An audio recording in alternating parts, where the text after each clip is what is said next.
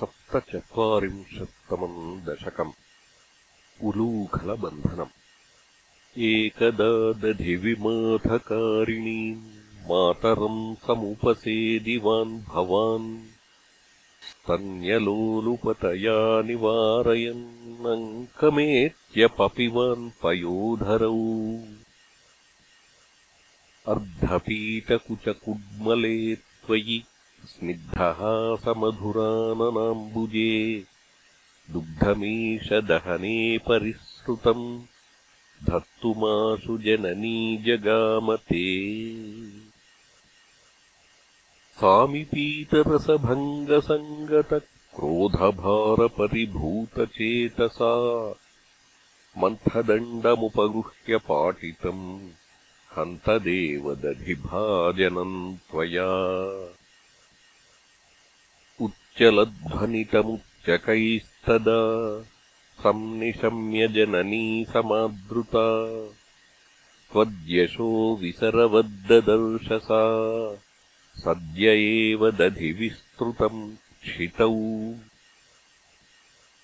वेदमार्गपरिमार्गितम् रुषा त्वामवीक्ष्य परिमार्गयन्त्यसौ। सन्ददर्शसुकृतिन्युलूखले दीयमाननवनीतमोतवे।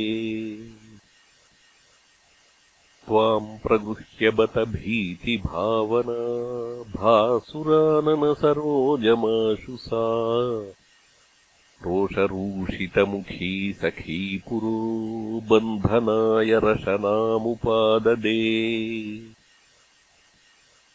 बन्धुमिच्छति यमेव सज्जनस्तम्भवन्तमयि बन्धुमिच्छति। सा नियुज्य रशनागुणान् बहून् व्यङ्गुलोऽनमखिलम् किल इक्षत विस्मितोत्स्मितसखीजनेक्षिताम् स्विन्नसन्नवपुषम् निरीक्ष्यताम्। नित्यमुक्तवपुरप्यहो हरे बन्धमेव कृपयान्वमन्यथाः। स्थीयताम् चिरमुलूखले खले त्यागता भवनमेव सा यदा। प्रागुलूखलबिलान्तरे तदा।